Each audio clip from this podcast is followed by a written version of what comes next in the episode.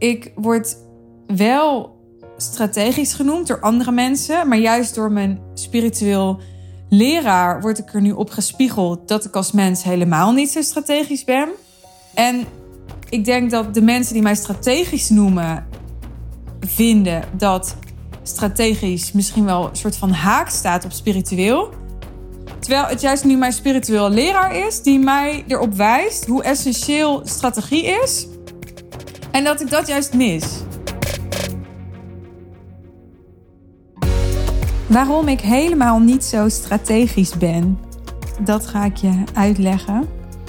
En ik vind het interessant om daarbij de persoonlijke inzichten die ik afgelopen week opdeed met je te delen. Juist ook omdat ik denk dat het zo grappig is dat ik vaak gezien word als een heel strategisch persoon. En ik denk dat dat iets is wat mijn klanten ook echt als kwaliteit zien. Dat ik zo strategisch ben. Ik noem zelfs, geloof ik, op de sales page van de Real Deal mijn business traject een strategisch en no-nonsense business traject. Dus ik gebruik daar ook zelf het woord strategisch. En ja, mijn inzicht van afgelopen week is dus dat ik misschien als ondernemer, of je zou kunnen zeggen als zakenvrouw, strategisch ben, maar als mens denk ik helemaal niet.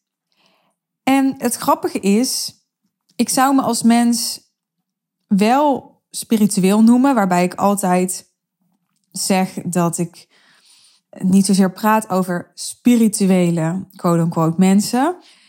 Omdat ik geloof dat er niet zoiets bestaat als spirituele en niet-spirituele mensen. Want ik denk dat vanuit spiritualiteit alle mensen spirituele wezens zijn. Maar goed, ik heb het dan even over dat ik mezelf wel zie als iemand die een hang heeft naar spiritualiteit. En ik had afgelopen week, waardoor ik dus ook ehm, de inzichten die ik nu met je ga delen kreeg, een sessie met mijn spiritueel leraar. En die zei, spiritueel leraar dus, hè, zonder strategie kom je nergens. Je hebt een strategie nodig in het leven. Ik heb het opgenomen en nog even teruggeluisterd en hij zei het echt. En toen dacht ik, nou, dit vind ik zo ironisch. Ik zal uitleggen wat precies dat ik dus vaak strategisch word genoemd en dan misschien helemaal niet zo ben, terwijl ik me wel heel erg verbonden voel met spiritualiteit. En dus juist mijn spiritueel leraar zei dat je echt strategie nodig hebt in dit aardse leven. Dus ik dacht, oké, dus ik word wel strategisch genoemd door andere mensen, maar juist door mijn spiritueel leraar word ik er nu op gespiegeld dat ik als mens helemaal niet zo strategisch ben. En ik denk dat de mensen die mij strategisch noemen, vinden dat strategisch misschien wel een soort van haak staat op spiritueel. Terwijl het juist nu mijn spiritueel leraar is die mij erop wijst hoe essentieel strategie is. En dat ik dat juist mis. Begrijp je het nog? Ja, anders moet je me even terugspoelen en nog een keer luisteren. Maar ja, ik vond dat zo ironisch. En wel wat denk ik heel vaak aan de hand is in dit leven. Dus misschien wel even een mooie reflectie voor jezelf. Dat niets is wat het lijkt. En heel vaak, als we denken dat iets waar is, dan is het omgekeerde waar. Of dan is minimaal het omgekeerde ook waar. dus je denkt misschien, even een klein zijsportje. Die en die heeft me genaaid. Bijvoorbeeld, je denkt misschien, de klant die naait mij, want ik heb die klant superveel gegeven. We hebben een overeenkomst getekend. Er is een x-bedrag aan omzet geaccordeerd. En nu zegt die klant dat hij niet meer wil betalen. Om wat vrede dan ook. Terwijl jij denkt, je hebt hartstikke goede resultaat gehaald. Ik heb je hartstikke goed geholpen. Ja, de Barbara Katie benadering is dan... kun je zien dat het omgekeerde ook waar is. Dus kun jij zien dat jij misschien wel die klant hebt genaaid. En ehm, ja, ik wil niet uh, mensen die uh, weigeren om nog te betalen, allemaal uh, een soort wapens in handen geven om, om onder een betaling uit te komen. Maar ja, heel vaak is het zo dat je ook de omkering um, kunt zien. Althans, dat je kunt zien dat de omkering ook waar is. En dat helpt heel erg om met minder boosheid en frustratie en zwaarte door het leven te gaan. En dat helpt heel erg om te zien dat, uh, dat niks absoluut is. En dus alles een soort vloeibaar. En dat voelt veel lichter. Want daarmee voel je en ervaar je ook veel meer mogelijkheden. het geeft je veel minder een fixed mindset. Omdat je weet dat je niks zeker kunt weten en dat niks absoluut waar is. Hoe kwam ik nou met mijn spirituele leraar op dat onderwerp strategisch zijn? Nou, ik kwam erop omdat ik wat ging vertellen over mijn week. Vorige week had ik best wel een intense week. Het zijn sowieso intense weken voor mij, waarin heel veel samenkomt. We zitten natuurlijk in de voorbereiding van de High Level Sales One Day Intensive. Uh, daar hoort een, een praktisch organisatorische voorbereiding bij. Uh, maar ik ben ook nog tickets aan het verkopen. Er zijn ook nog best wat mensen die toch last minute er nog bij willen zijn, wat alleen maar super leuk is. Ondertussen is dat ook een heel creatief proces. Dus ik heb bijvoorbeeld afgelopen week met een van mijn trainees bedacht: oké, we gaan deze keer gaan we ook een, een Facebookgroep maken voor alle deelnemers van de HLSO. Die dat is de werktitel voor ons intern. En dat heb ik nog nooit gedaan. Dat is weer iets nieuws. En uh, maak ik het daarmee simpeler? Als je het hebt over zo simpel en beschreven mogelijk zijn, nee. Maar ik heb zoiets van: dit is de laatste high level sales van de intensive. Dit is nooit het meest simpele onderdeel van mijn business geweest. Ben ik ook altijd eerlijk en transparant voor uitgekomen. Dus dit voelt een beetje als, nou, ik ga hier nu nog even los mee. Ik ga gewoon nog even, ja, al mijn creativiteit uh, hierin stoppen. En daarna is het klaar. En dan, dan voel ik ook dat er een tijd van meer versimpeling is aangebroken. En ik vraag ook mensen om me heen om me daar zo'n beetje accountable voor te houden. Dat ik, um, ja, dat ik weer veel meer terugga naar, die, naar dat midden, wat voor mij het midden is. En voor mij is het midden een heel simpel businessmodel. Met ook een hele simpele uitvoering. Want ik heb een heel simpel businessmodel al jaren. Maar je kan het natuurlijk door alle details die je erbij verzint.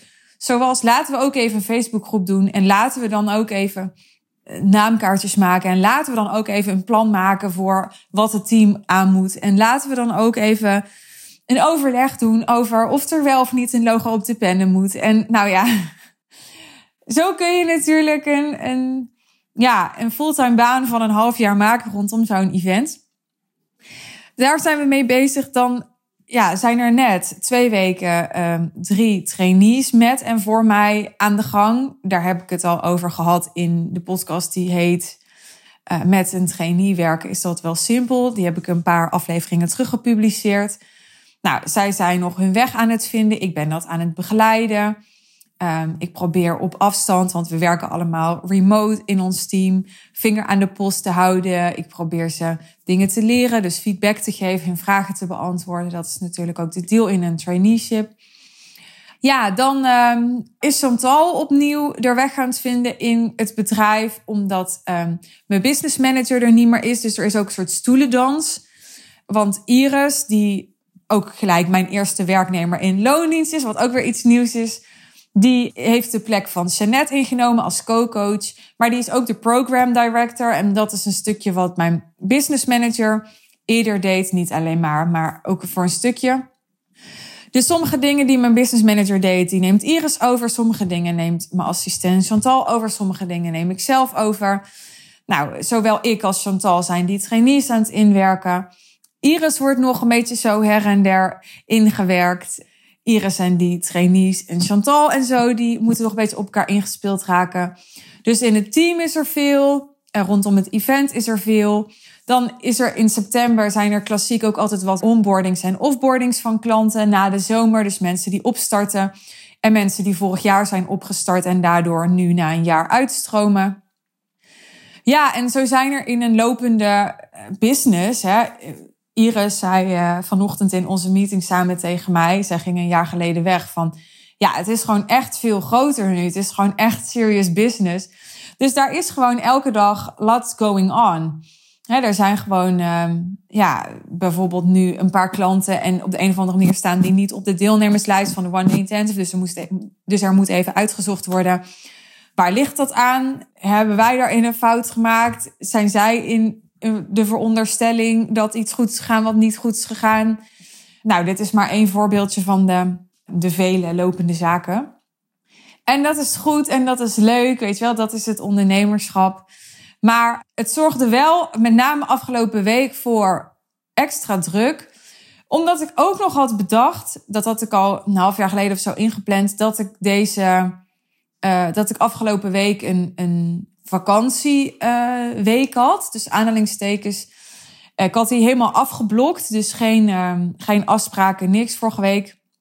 En ik had uh, anderhalve dag extra met mijn dochter genomen. Om wat extra tijd met haar te hebben. Dat vind ik ook belangrijk. Maar ja, het was ook vorige week Iris de eerste week. En uh, zij kon niet eerder of later starten. En ja, ik had die week al afgeblokt. Dus er kwam gewoon vorige week als een soort, ja, uh, uh, fluitketel waar heel veel druk op kwam te staan, kwam er gewoon heel veel samen. En er waren wat aanvaringen daardoor. En toen had ik die sessie met mijn leraar. En ja, dat was gewoon even wat in mijn bewustzijn zat. Dus dat was ook wat ik inbracht in die sessie. En toen zei hij tegen mij, hij zei, ja, ja, Suus, jij, uh, jij bent een waarheidsstrijder. En als waarheidsstrijder lig je constant overhoop met de wereld. En nou ja, ik luisterde daarnaar en ik probeer altijd hè, bij mijn coaches en, en leraren ook, zoals ik ook van mijn klanten vraag, met de houding van een leerling in zo'n sessie te gaan zitten. En ik dacht, ja, waarheidsstrijden, waarheidsstrijden. Ja, dat klinkt als een soort nobel woord, maar ik kreeg er heel veel weerstand op. Want ik dacht, ja, ik geloof eigenlijk helemaal niet in, in een waarheid. En ik geloof ook helemaal niet in strijd. Nou, ik geloof wel in een waarheid, maar ik geloof niet in de waarheid. Dus ik geloof dat waarheid per definitie perceptie is. Ik ga altijd een andere waarheid hebben dan jij, omdat ik altijd ja, vanuit mijn eigen conditioneringen en ervaringen en, en persoonlijkheid ergens naar kijk. Dus ook al kijken we naar hetzelfde, ja, ik zal iets anders ervaren dan jij. Dus dat woord, ik dacht, ja, ik weet nou niet of ik, of ik het nou zo'n eer vind om dat woord als label opgeplakt te krijgen. Maar goed, het gaat natuurlijk ook niet om of dat ik het een eer vind. Het gaat natuurlijk uiteindelijk om, ja, wat kan ik hiermee? En um, toen dacht ik, ja, ik denk dat, dat het wel waar is. Het, het, ik wil er niet een soort nobel ding van maken. Want nogmaals, door te zeggen dat ik een waarheidsstrijder ben, zou ik, ja, zou ik ook misschien gedrag van mezelf heel makkelijk kunnen rechtvaardigen, wat helemaal niet goed is om te rechtvaardigen. Maar wat ik wel me realiseerde door, door het gesprek wat we vervolgens hadden, is ik heb misschien de associatie dat, dat een strijder zijn, dat dat vermoeiend is. Dat die mensen uiteindelijk heel eenzaam zijn. Weet je wel? Dat zijn mensen die gaan voor hun gelijk in plaats van voor hun geluk. Het zijn mensen die niet vredig zijn. Hè? Ik bedoel, als ik even een Eckhart Tolle als voorbeeld neem. Ja, ik heb nou niet het gevoel dat dat een strijder is.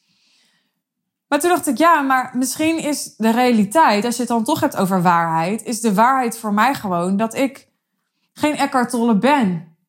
Hey, ik bedoel, ja, ik weet niet, maar als je naar mij kijkt en je zet Eckhart Tolle ernaast, dan, dan ja, zie je denk ik ook genoeg verschillen. Dus bijvoorbeeld een van de, van de goeroes van mijn spiritueel leraar is Osho. En Osho is echt een, een rebel. Dus ja, dat, dat is wat mijn, mijn spiritueel leraar tegen me zei. Van, Misschien moet je eens gaan zoeken naar een, een voorbeeld voor jou. Een soort spiritueel voorbeeld waar jij je aan kunt toewijden. Wat met jou resoneert. want misschien heb ik gewoon toch op een nog eenzijdige manier naar, naar spiritualiteit en naar vrede gekeken. En is de realiteit dat ik een persoonlijkheid heb en misschien wel een, ja, een temperament heb. Of misschien is het puur ja, conditionering of, of wonden, maakt eigenlijk niet uit. Maar die maken dat ik misschien wel nooit kan voldoen aan het beeld waarvan ik zelf vind dat dat het ideaalbeeld is. Dus misschien heb ik in mijn hoofd een bepaald ideaalbeeld om aan te voldoen. Van iemand die soort van super uh, stabiel, vredig en in harmonie is. En, en is dat gewoon niet wie ik werkelijk ben. Nou, en ehm, om even dan nu wel richting de titel van deze aflevering te gaan. Namelijk uh, ja, waarom ik helemaal niet zo strategisch ben. Want daar heb ik het helemaal nog niet over gehad. Mijn uh, leraar legde in die sessie uit. Kijk, als iemand op straat opgefokt raakt en uh, daardoor besluit om iemand op zijn bek te slaan en een gevecht te starten dan is dat eigenlijk altijd vanuit een soort primaire emotie. Dus degene die dan begint met vechten, die, die voelt een boosheid in zichzelf en die uit dat als primaire emotie door een gevecht te beginnen. En heel vaak begint dat gevecht door iemand gewoon recht op zijn bek te slaan. En hij legde uit, hij heeft heel veel verstand van vechtsport, ik helemaal niet, maar hij legde uit dat je dus vanuit de vechtsport met een bepaalde houding of een bepaalde hoek, weet ik veel hoe het zit, zo'n stoot dan zo kunt ontwijken dat je A, niet zelf meteen helemaal knock-out bent. En B, dat je die ander ja, wel op zo'n manier kunt raken dat hij misschien niet, uh, niet bewusteloos is of dood of wat dan ook. Maar wel in ieder geval hè, um, dat jij veilig bent, dat je jezelf verdedigd hebt. Dus wat hij uitlegde is dat het eigenlijk heel primair is om heel recht door zee te zijn. En dat het veel strategischer is om te leren hoe je in plaats van recht door zee zijn, zo'n gevecht kunt winnen. Dus hij gaf aan, als je strategisch zo'n gevecht ingaat in plaats van vanuit primaire emotie, dan kun je gewoon 90% van de gevechten winnen, ook al ben je misschien bijvoorbeeld fysiek helemaal niet sterker. En ik vond dat wel een interessant inzicht, omdat ik me realiseerde dat dat is wat er bij mij vaak in een andere vorm gebeurt. Dat ik, omdat ik verbaal sterk ben, dus uh, misschien niet zozeer fysiek, maar wel verbaal. In die zin dat ik denk ik een rijke woordenschat heb, dat ik goed kan beargumenteren, dat ik analytisch ben, dat ik ook snel kan denken. Dus ik kan daardoor vrij dominant, ik weet niet of dat het goede woord is, maar ik kan, ik heb zeg maar alle wapens en middelen in huis om verbaal uh, mijn zin te krijgen. Ik denk dat dat is hoe ik het dan goed moet zeggen.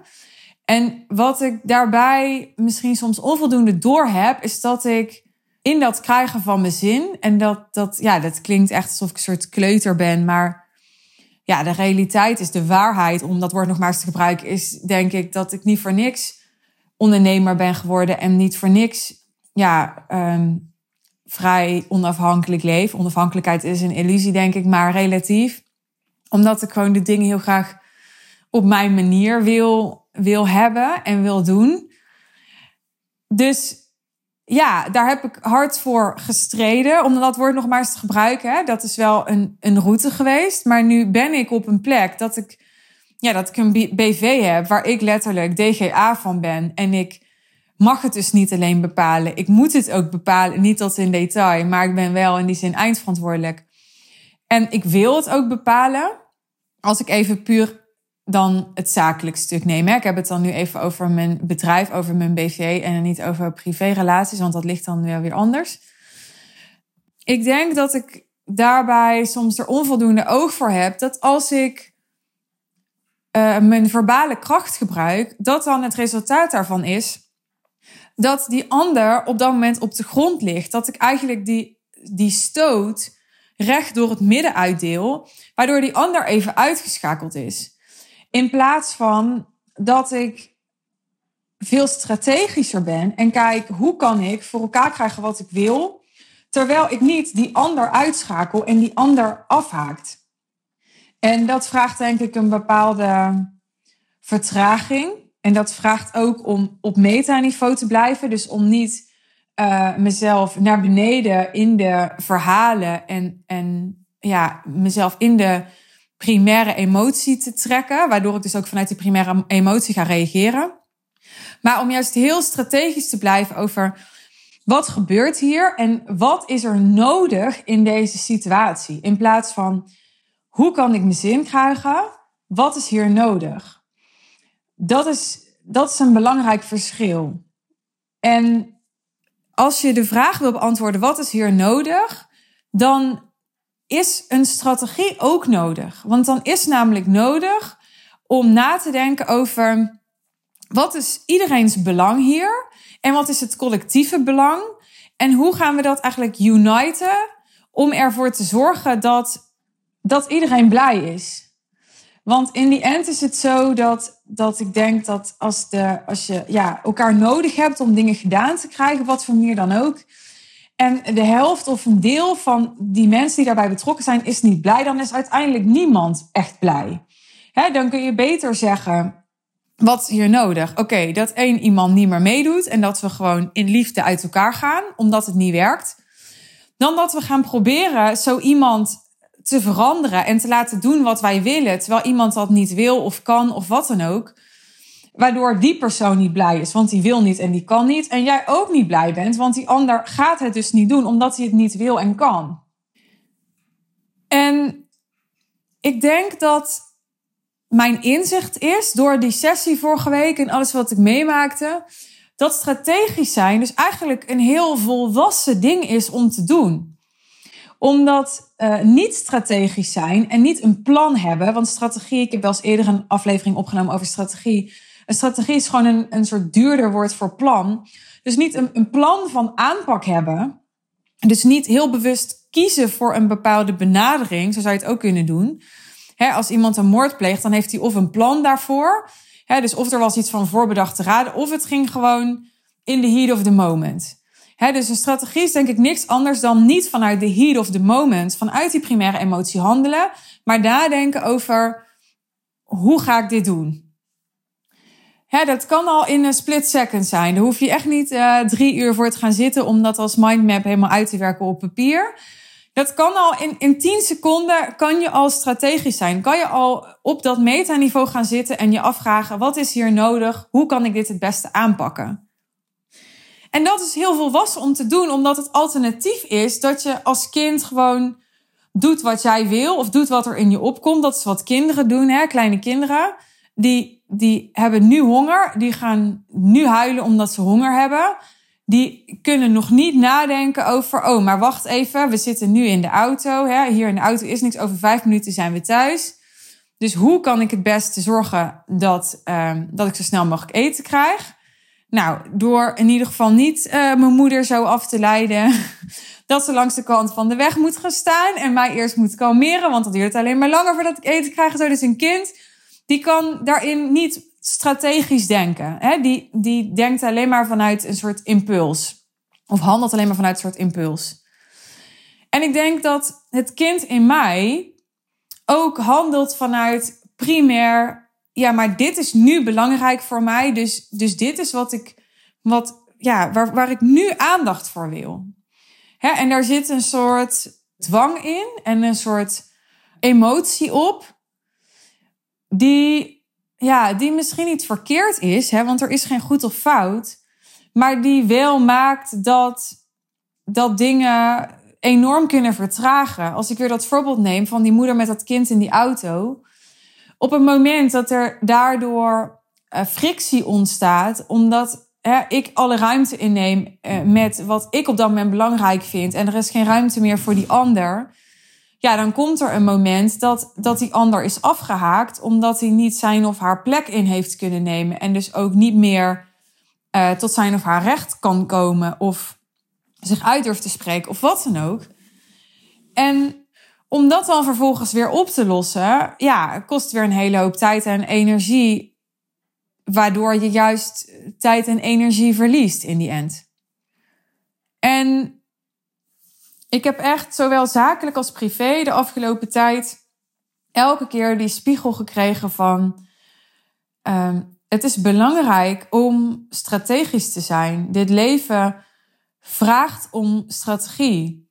En het klinkt heel idealistisch om altijd heel recht door zee te zijn en direct te zijn en er geen doekjes om te winden. Maar we leven niet meer in een tijd waarin we de straat op gaan en schieten op een konijn. op het moment dat wij denken, ik wil graag vanavond eten, dan maken we ook een plan. Al is het, oké, dan gaan we om vijf uur naar de Albert Heijn. of uh, dan gaan we naar thuisbezorgd.nl en eten laten bezorgen. Hoe simpel ook, maar we maken wel een plan. En ja, we gaan niet uh, buiten voor de voordeur staan, staan drammen. om te zeggen, waar is dat hert nou, zodat ik hem kan schieten? Weet je wel, ja, dat is misschien een super stom voorbeeld wat ik nu geef. Maar ja, het is soms goed om dat soort simpele voorbeelden uh, te gebruiken. Om te snappen, oh, maar zo werkt het dus. Hè? Want door de simpele voorbeelden kun je zien hoe het in complexere dynamieken met mensen dus ook nodig is om een plan te hebben. En um, ja, ik vind dat super lastig. Voor mij zit er ook iets in um, het gevoel willen hebben helemaal mezelf te kunnen zijn. En dat ik er helemaal mag zijn met alles wat ik vind en alles wat ik denk. En dat ik alles bij iemand neer mag leggen. En ja, me daarin moeten inhouden of, of ja, daarin alles moeten afwegen. Dat vind ik best wel lastig. Ik denk dat er ook een stukje um, rechtse houding in zit van mij ik had als jong meisje al, toen ik nog helemaal niks begreep van politiek links en politiek rechts, was ik al behoorlijk rechts. Omdat ik als klein meisje al had bedacht, als gewoon nou iedereen voor zichzelf zorgt, dan komt toch eigenlijk niemand iets tekort. En later, toen ik ouder werd, toen begreep ik wel, ja, oké, dat is hartstikke leuk als je gewoon bent opgegroeid in, um, hè, een, een, niet in een rijke luisgezin, maar wel gewoon in een fijne twee onder één kap woning en um, ja, er was nooit geen brood en er lag nooit niks in de koelkast. En we hadden echt geen, geen zwembad in de tuin. En we gingen ook niet um, vijf keer per jaar op vakantie. En, uh, hè, maar ik heb genoeg meegemaakt. Er was genoeg suboptimaal. Daar gaat het allemaal niet om. Maar er was wel. Er waren wel gewoon prima kansen voor mij. Die voor een heleboel andere mensen er niet zijn. Dat realiseer ik me heel erg goed. Dus ja, um, ik snap dat, het, dat er ook heel veel solidariteit nodig is. En dat ook nodig is om, om voor elkaar te zorgen. Los van dat dat nodig is, dat dat ook heel veel vervulling kan geven aan, aan mensen. En ik denk ook, als dat doorslaat in de verantwoordelijkheid van hoe het met jou gaat bij iemand anders neerleggen. Ja, dan dat is voor mij niet wat, wat de bedoeling kan zijn. Want dat vind ik iets heel verwarrend. Want dan denk ik, ja, oké, ik kan iets zeggen wat op zich, zeg maar, voor mij gewoon een neutrale opmerking is. En persoon A, die kan dat misschien niet eens horen. Zo irrelevant vindt hij dat. En persoon B kan daarvan totaal van slag zijn, omdat het iets raakt bij hem of haar wat, hè, wat een, een wond is, een trigger is, misschien wel een trauma is. En die kan daar heel veel aanstoot aan nemen. En um, ja, mijn visie is dus, weet je, als wij gekwetst zijn, dan ligt dat in de basis bij onszelf. En natuurlijk zitten daar grenzen aan, want natuurlijk uh, keur ik het niet goed als mensen gepest worden, gekleineerd worden, gediscrimineerd worden. En ja, is er zoiets als respectvol met elkaar omgaan. Maar ja, respectvol, wat is respectvol? Is natuurlijk super subjectief. En ik denk dat, uh, ja, dat het misschien voor mij relatief eenvoudig is om mensen te kwetsen, omdat ik altijd zoiets heb van, ja, het is aan ons mensen om dingen niet persoonlijk te nemen en, en verantwoordelijkheid te nemen voor onze eigen kwetsuren. En tegelijkertijd, dat is dus wat mijn leraar mij vertelde, als je dus weet dat mensen gevoelig zijn, uh, gewond zijn, snel beledigd zijn en um, je wil desondanks een persoon zijn die recht door zee is en zoals hij dat noemde, een waarheidsstrijder zijn, dan weet je dus dat je constant gedoe hebt. Want ja, dat is hoe mensen daarop reageren. En dan kan je zeggen, ja, maar dat klopt niet, want mensen zouden allemaal dat minder persoonlijk moeten opvatten, zouden minder gevoelig moeten zijn, minder kleinzerig, et cetera. Kan je allemaal vinden. De realiteit is dat de wereld zo niet in elkaar zit. En dat, um, dat er, zoals hij dat noemde, een wereld voor je kan opengaan als je kan leren om daarin strategischer te zijn. Nou, super persoonlijke inzichten en verhalen allemaal in deze aflevering. Maar als je tot hier bent gekomen, dan zal er ongetwijfeld iets zijn wat, ja, wat interessant voor je was en wat resoneerde. En door naar mij te luisteren, uh, kun je denk ik weer reflecteren op jezelf en um, hoe dit voor jou werkt. Misschien ben jij wel opposite van mij, maar dan nog kun je door hier naar te luisteren, denk ik, jouw eigen lessen en inzichten uit deze aflevering halen. Als je uh, wat met mij wilt delen over jouw takeaways van deze aflevering, dan mag dat. Stuur me gerust een uh, DM op Instagram. Als je nu totaal bent afgeknapt op mij, mag dat ook. Als je juist denkt, wow, Suus, ik waardeer het zo hoe je hierover beschouwt en contempleert. En ik wil gewoon helemaal besmet worden door jouw mind. Ja, dan zou ik echt persoonlijk met mij gaan werken, want dan gebeurt dat echt. En als je dat wil, dan kun je via de link in de show notes naar de salespage over ons business traject The Real Deal jouw call boeken met ons, zodat we in gesprek kunnen gaan over hoe ik jou kan helpen met jouw uh, zakelijke ambities. Is dat op dit moment nog een brug te ver voor je? Weet dan, op 13 oktober is voorlopig de enige mogelijkheid om één dag uh, met mij te werken en één dag helemaal ondergedompeld te worden in alles wat ik mijn klanten leer. Dus naast deze ene dag is de enige mogelijkheid om een jaar met mij te werken in mijn business traject. Op 13 oktober kan dat één dag tijdens de High Level Sales One Day Intensive. En ook het linkje daarvan vind je in de show notes. Het is al bijna, dus wil je erbij zijn, zorg dan dat je je ticket claimt. Want we zijn echt de laatste tickets aan het verkopen op dit moment. Zou leuk zijn om je daar te zien. Ik wens je een mooie dag, avond of um, nacht voor de nachtbrakers onder ons. En uh, heel graag tot de volgende aflevering. Ciao!